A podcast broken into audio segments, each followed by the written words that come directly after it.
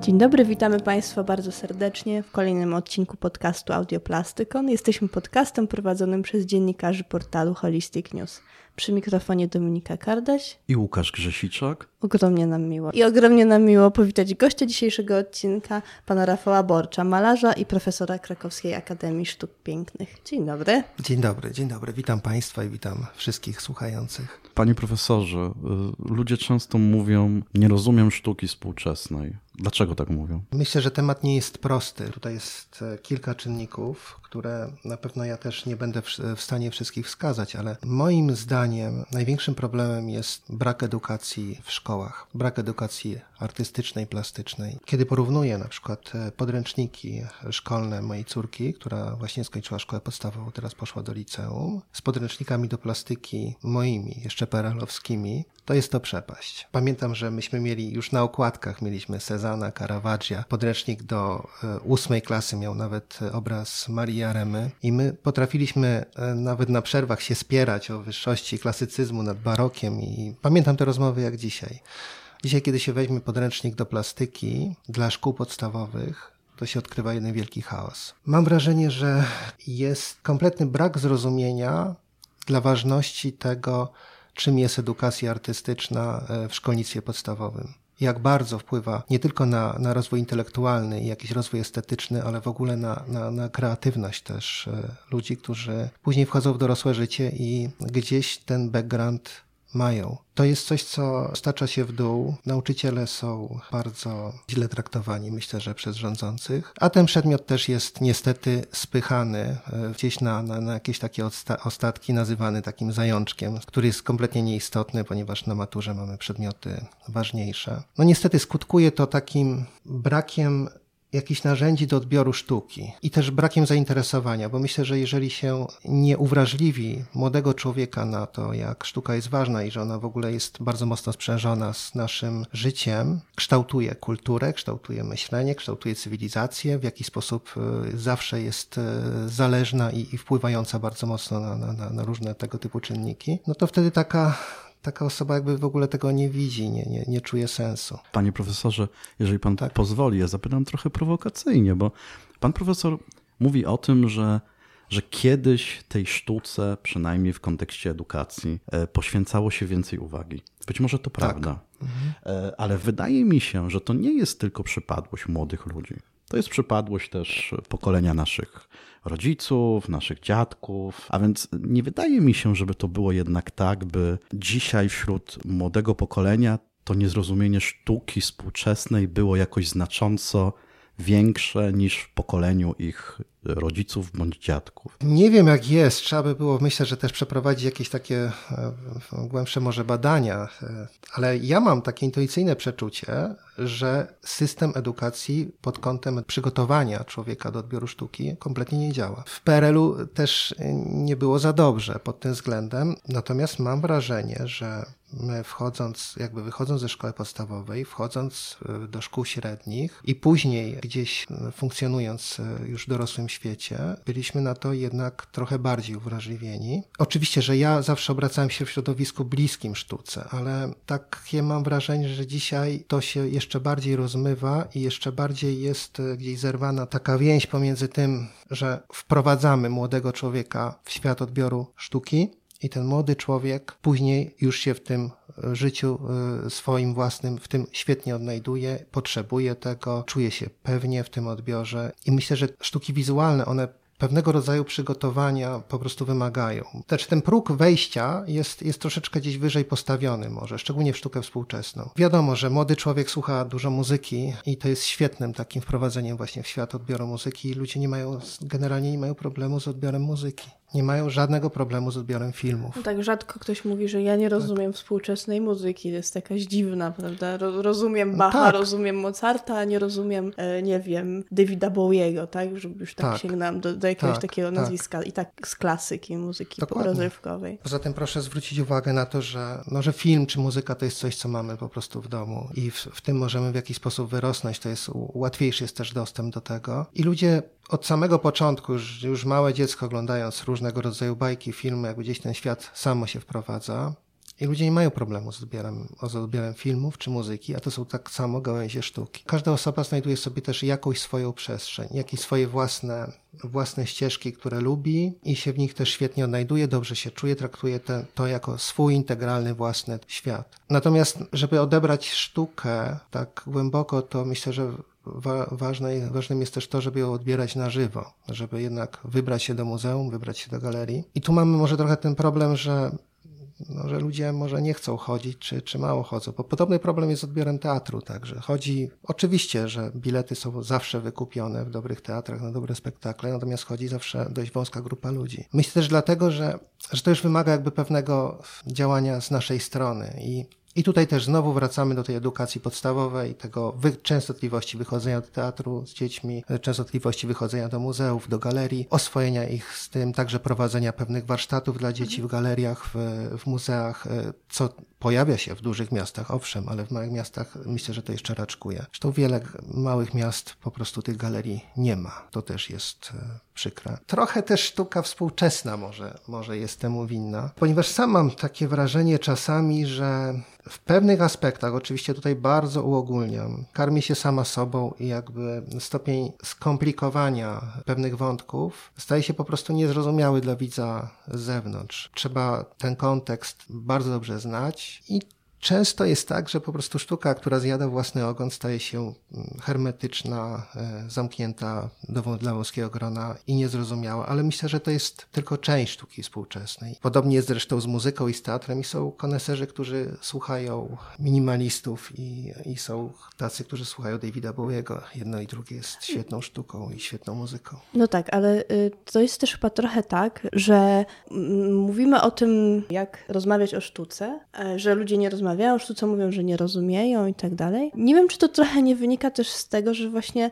brakuje nam tych narzędzi krytycznych, tak? Bo chociażby, nie wiem, no ja jakby się bardziej zajmuję literaturą i wydaje mi się, że nawet jeżeli mówimy, że ludzie nie czytają książek, że tam, że ileś tam procent osób nie ma w domu ani jednej książki, to nawet w prasie kulturalnej dużo więcej miejsca zajmuje literatura, tak. muzyka, film, to też Pan o tym wspomniał, niż sztuki plastyczne, prawda? To prawda. I czy to nie jest tak, że nie rozmawiamy o tym, nie rozmawiamy o sztukach plastycznych, o obrazach, o rzeźbach, o dziełach wykraczających jakoś tam po, poza granicę dyscyplin plastycznych, no bo nie mamy po prostu tego języka, bo nie ma języka debaty w ogóle o sztuce, prawda? I teraz jak rozmawiać o sztuce, kiedy to się, to się nie dzieje w środowiskach medialnych, dziennikarskich? To się nie dzieje. To prawda. To się nie dzieje i myślę, że my artyści też e, z tego powodu bardzo cierpimy. Mamy wrażenie, że sami musimy gdzieś do tego odbiorcy docierać, przecierać pewne ścieżki, a świat, e, to środowisko krytyków jest bardzo wąskie. Mhm. I nie jest to też winą krytyków, ponieważ mnóstwo świetnie wykształconych ludzi kończy szkoły, które dają im do tego przygotowanie. Natomiast no, w dzisiejszej e, kapitalistyczno-wolnorynkowej kulturze coś, co nie ma mecenasów prywatnych, a też państwowych także, państwo także nie, nie wspiera, tego typu działalności zanika. Pisma artystyczne padały jak muchy na zimę, ponieważ no, nie ma dofinansowań, nie ma dotacji. Rubryki w tygodnikach zresztą też świetnie prowadzone też znikają, takich bardziej popularnych, czytanych przez wielu. Nie wiem dokładnie dlaczego tak się dzieje. Myślę, że z tego powodu, że, że się nie czuje wagi tego i gdzieś się uważa, że, że sztuka sobie zawsze sama poradzi. To jest prawda, w jaki sposób sobie poradzi, bo człowiek zawsze będzie tworzył. Natomiast na pewno państwo i system, w którym żyjemy, tego nie ułatwia. Mnie zaskoczyło to, że zainteresowanie sztuką zostało, znaczy czasami spotyka się z takim y, zarzutem snobizmu.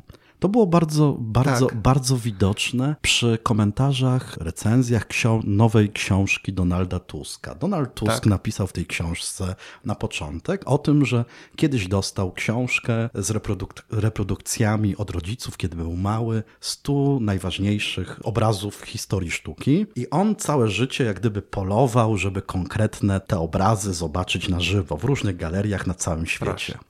I o tym, jak gdyby tak zaczyna się ta książka.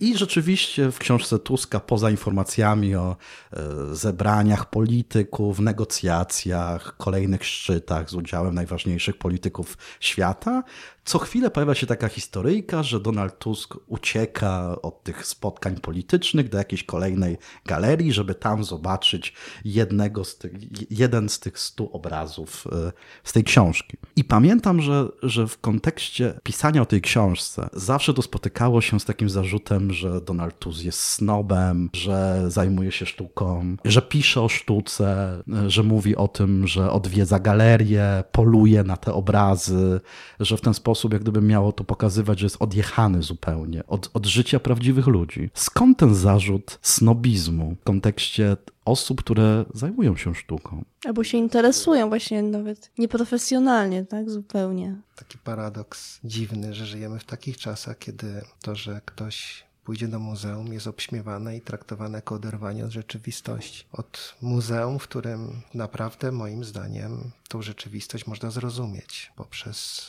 zobaczenie tego, jak kultura się kształtuje, jak kształtuje się cywilizacja, jak ludzie żyli chociażby.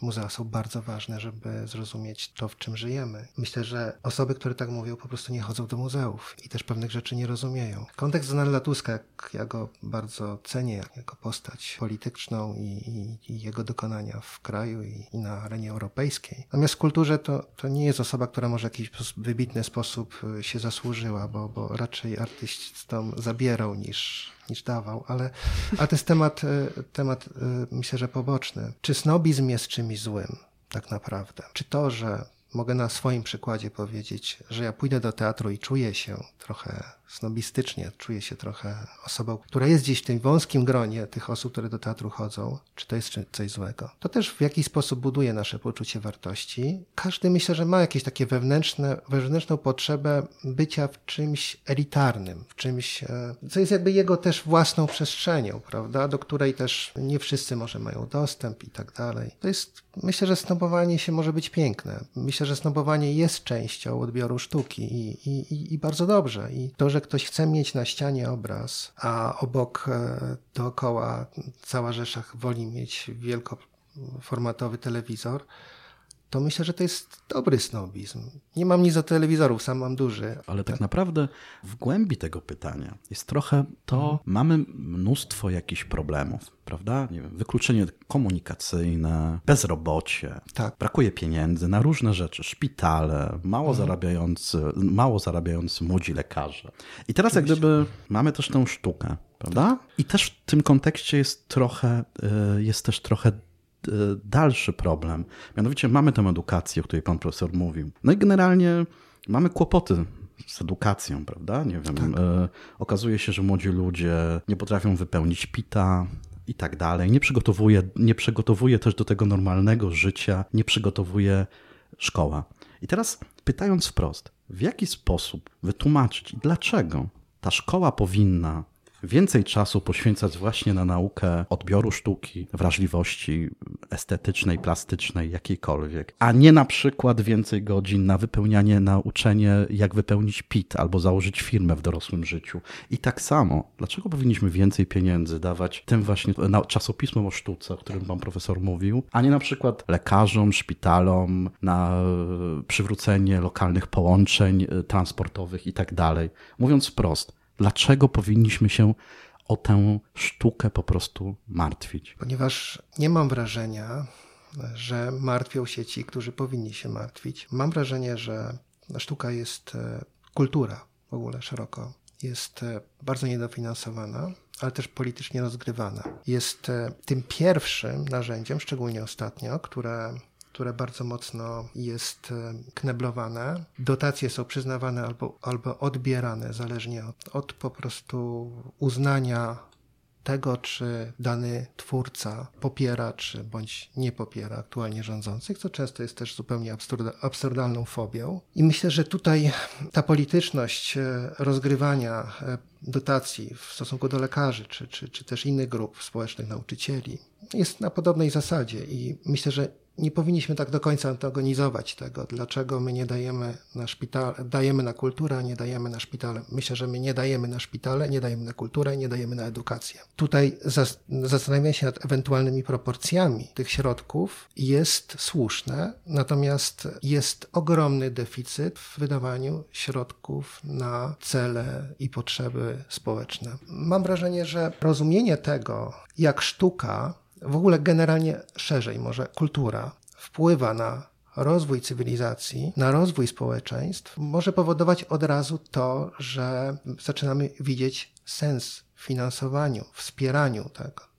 Nawet nie chodzi czysto o pieniądze, tylko chodzi też o taką, takie wspieranie chociażby młodych artystów y, przez miasto. Ja już nie mówię na, na, na gdzieś wysokim szczeblu, przez miasto na przykład w pracowniach. Ja wiem, jaki jest dramat y, wśród młodych twórców po prostu w znalezieniu pracowni. Tego, ten brak zrozumienia jest na każdym kroku. Mam wrażenie, że tutaj wracamy do pierwszych wątków mocniejsza świadomość tego, że bardzo mocno sztuka, kultura wpływa na, na naszą cywilizację, na kondycję naszą jako jako społeczeństwa, narodu, świata. Kultura także porusza tematy ważne, istotne, bardzo mocno wspiera, e, e, jakby wyprzedza nawet pewne, pewne problemy, które się w świecie dzieją i problemy wojny, uchodźców, problemy klimatyczne. Gdzieś sztuka o tym opowiada zawsze pierwsza i zawsze jest e, gdzieś jakimś takim barometrem, który pokazuje pewne, pewne niebezpieczeństwa, także ma taki, taki żywy też przekład na to, na jak, jak nam się żyje. To jest ważne i myślę, że zrozumienie tego powodowałoby zupełnie inne widzenie. Jeszcze jedna rzecz, którą chciałbym wrzucić tutaj, czy dopowiedzieć tutaj, to jest to, że my w jakiś sposób, czy przynajmniej widzę, że, że w jakiś sposób państwo próbuje kształcić Polaka na patriota. I szuka się takich wątków, które są wątpliwe w tym kształceniu. Ale nie, nie widzi się tego, że chociażby Olga Tokarczuk dostała najpierw nagrodę Bookera, teraz nagrodę Nobla. Nie widzi się tego, że Wilhelm Sassnal jest jednym z najbardziej rozpoznawalnych malarzy w świecie, tego, że święci triumfy także wielu artystów. Jesteśmy zdani też jako filmowcy, jako muzycy. Nasze filmy zdobywają Oscary. Kultura mimo tego złego traktowania, jednego z gorszych nawet w Europie, e, ma się dobrze, bo kultura zawsze się będzie miała dobrze, ponieważ ludzie mają w sobie tą potrzebę tworzenia. Natomiast państwo powinno zdecydowanie bardziej to wspierać i rozumieć, że to nie polega na tym, że artyści są mniej ważni, nie damy im, ponieważ są bardziej palące potrzeby. Pan pytał jeszcze o ten wątek, dlaczego w szkole się... Edukacyjny, tak. Ja myślę, że w ogóle sztuka jest czymś, ona powstała nawet po to, żeby w jakiś sposób ten nasz świat zlepiać, żeby nasz obraz świata, żebyśmy się nie rozsypali.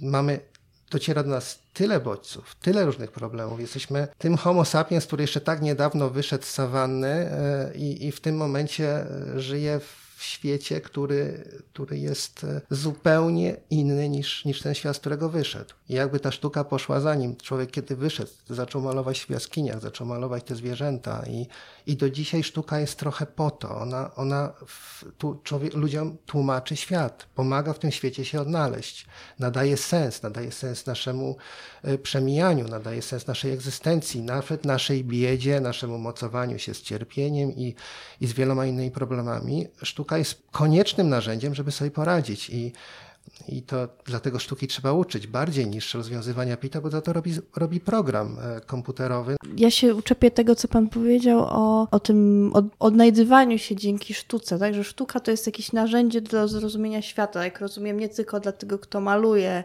y, rzeźbi albo tworzy kolaż, czy cokolwiek innego, ale też dla tego, kto odbiera. I wydaje mi się, że tu jest jakiś taki klub problemu, jeżeli chodzi o edukację. To niekoniecznie jest nawet tylko w, nie wiem, w programach uczenia tam z przedmiotu plastyka i tak dalej, tylko w ogóle w podejściu do rozmawiania, w podejściu do sztuki, w, rozmawianiu o sztuce, że uczy się nas rozpoznawać znane obrazy. Trochę tak jak ten Donald Tusk, który miał 100 obrazów i wiedział, że warto je tak. zobaczyć. Bo on wiedział po prostu, wiedział, że warto iść mhm. zobaczyć, nie wiem, Memlinga, prawda? E, wiedział, że warto tak. iść zobaczyć, nie wiem, dziewczynę y, tam z perłą, dziew y, tak. kogokolwiek innego, nalewającą mleko i tak dalej, i tak dalej. A tutaj jest chyba ten, y, to, to czego powiedzieliśmy, to od czego zaczęliśmy, że nie rozumiem sztuki współczesnej, nie rozumiem sztuki nowoczesnej, tak. bo nikt nam jeszcze nie powiedział, mhm. że ten i ten artysta, to on będzie w tych stu, y, za, za 50 lat będzie w tych stu najważniejszych obrazach. W sensie, że nie mamy takich narzędzi krytycznych w sobie, ale krytycznych mówię bardzo szeroko, nie tylko jako język do opisu, tylko takiej wrażliwości, żeby oceniać, obserwować, przetwarzać, przykładać do własnego doświadczenia dzieło sztuki, przy którym nie mamy znanego nazwiska. Jak w takim razie można, jak, czy to się w ogóle da zrobić, żeby wypracować w ludziach to, w młodych ludziach, może tych, z którymi chcemy rozmawiać na lekcjach plastyki, na lekcjach z historii sztuki czy wokół, żeby oni tę sztukę chcieli czytać sami. Oswajać tych ludzi trochę ze sztuką i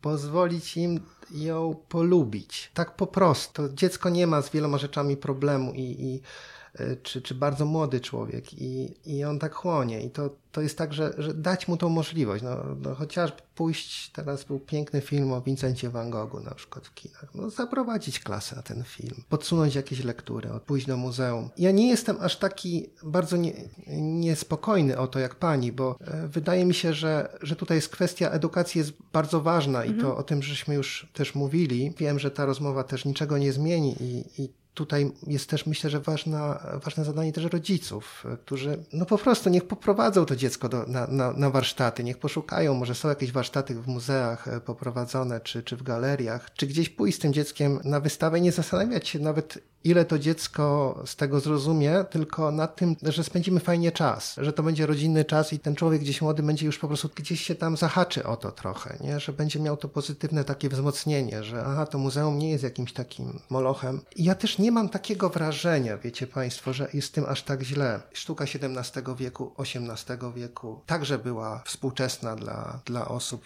które wtedy ją odbierały. Caravaggio na przykład był bardzo nierozumianym artystą. Vermeer był artystą zapomnianym przez 300, bodajże chyba 200 czy 300 lat. Dopiero potrzeba czasu, żeby pewne rzeczy szeroko stały się bardzo, bardzo, bardzo zrozumiałe i w szerokich takich społecznym odbiorze. To jest tak, że sztuka trochę zawsze trochę wyprzedza, jest jakby krok albo nawet dwa kroki przed takim naszym przyzwyczajeniem wizualnym, pewnym, pewnym takim odbiorem. Lubimy to, co żeśmy już słyszeli, tak, prawda? I ja też tak mam. Nawet twórcy się z tym trochę mocują. I myślę, że to trochę trzeba to zaakceptować, jakby rozumieć to, aha, dobrze, może pewnych rzeczy nie rozumiem, ale jednak wszedłem gdzieś, staram się jakby to odebrać. Też trzeba mieć świadomość tego, że w sztuce współczesnej jeszcze nie ma tego filtra, że w sztuce współczesnej mamy wszystko, natomiast w muzeach to, co wisi, to już jest sztuka, która jest przefiltrowana przez czas, która się jakoś w jakiś sposób zweryfikowała, sprawdziła, przetrwała. Natomiast w sztuce współczesnej mamy dużo śmieci tak naprawdę też, oprócz, oprócz rzeczy wartościowych. Ale z drugiej strony jej zaletą jest to, że ona powstaje na żywo, że jest czymś takim odpowiedzią na ten nasz świat dzisiejszy. I ja nie mam też dlatego tego wrażenia, bo na przykład ostatnio brałem udział w takiej wystawie w Mocaku i siłą rzeczy byłem tam kilka razy też na tej wystawie. Ja byłem pod wrażeniem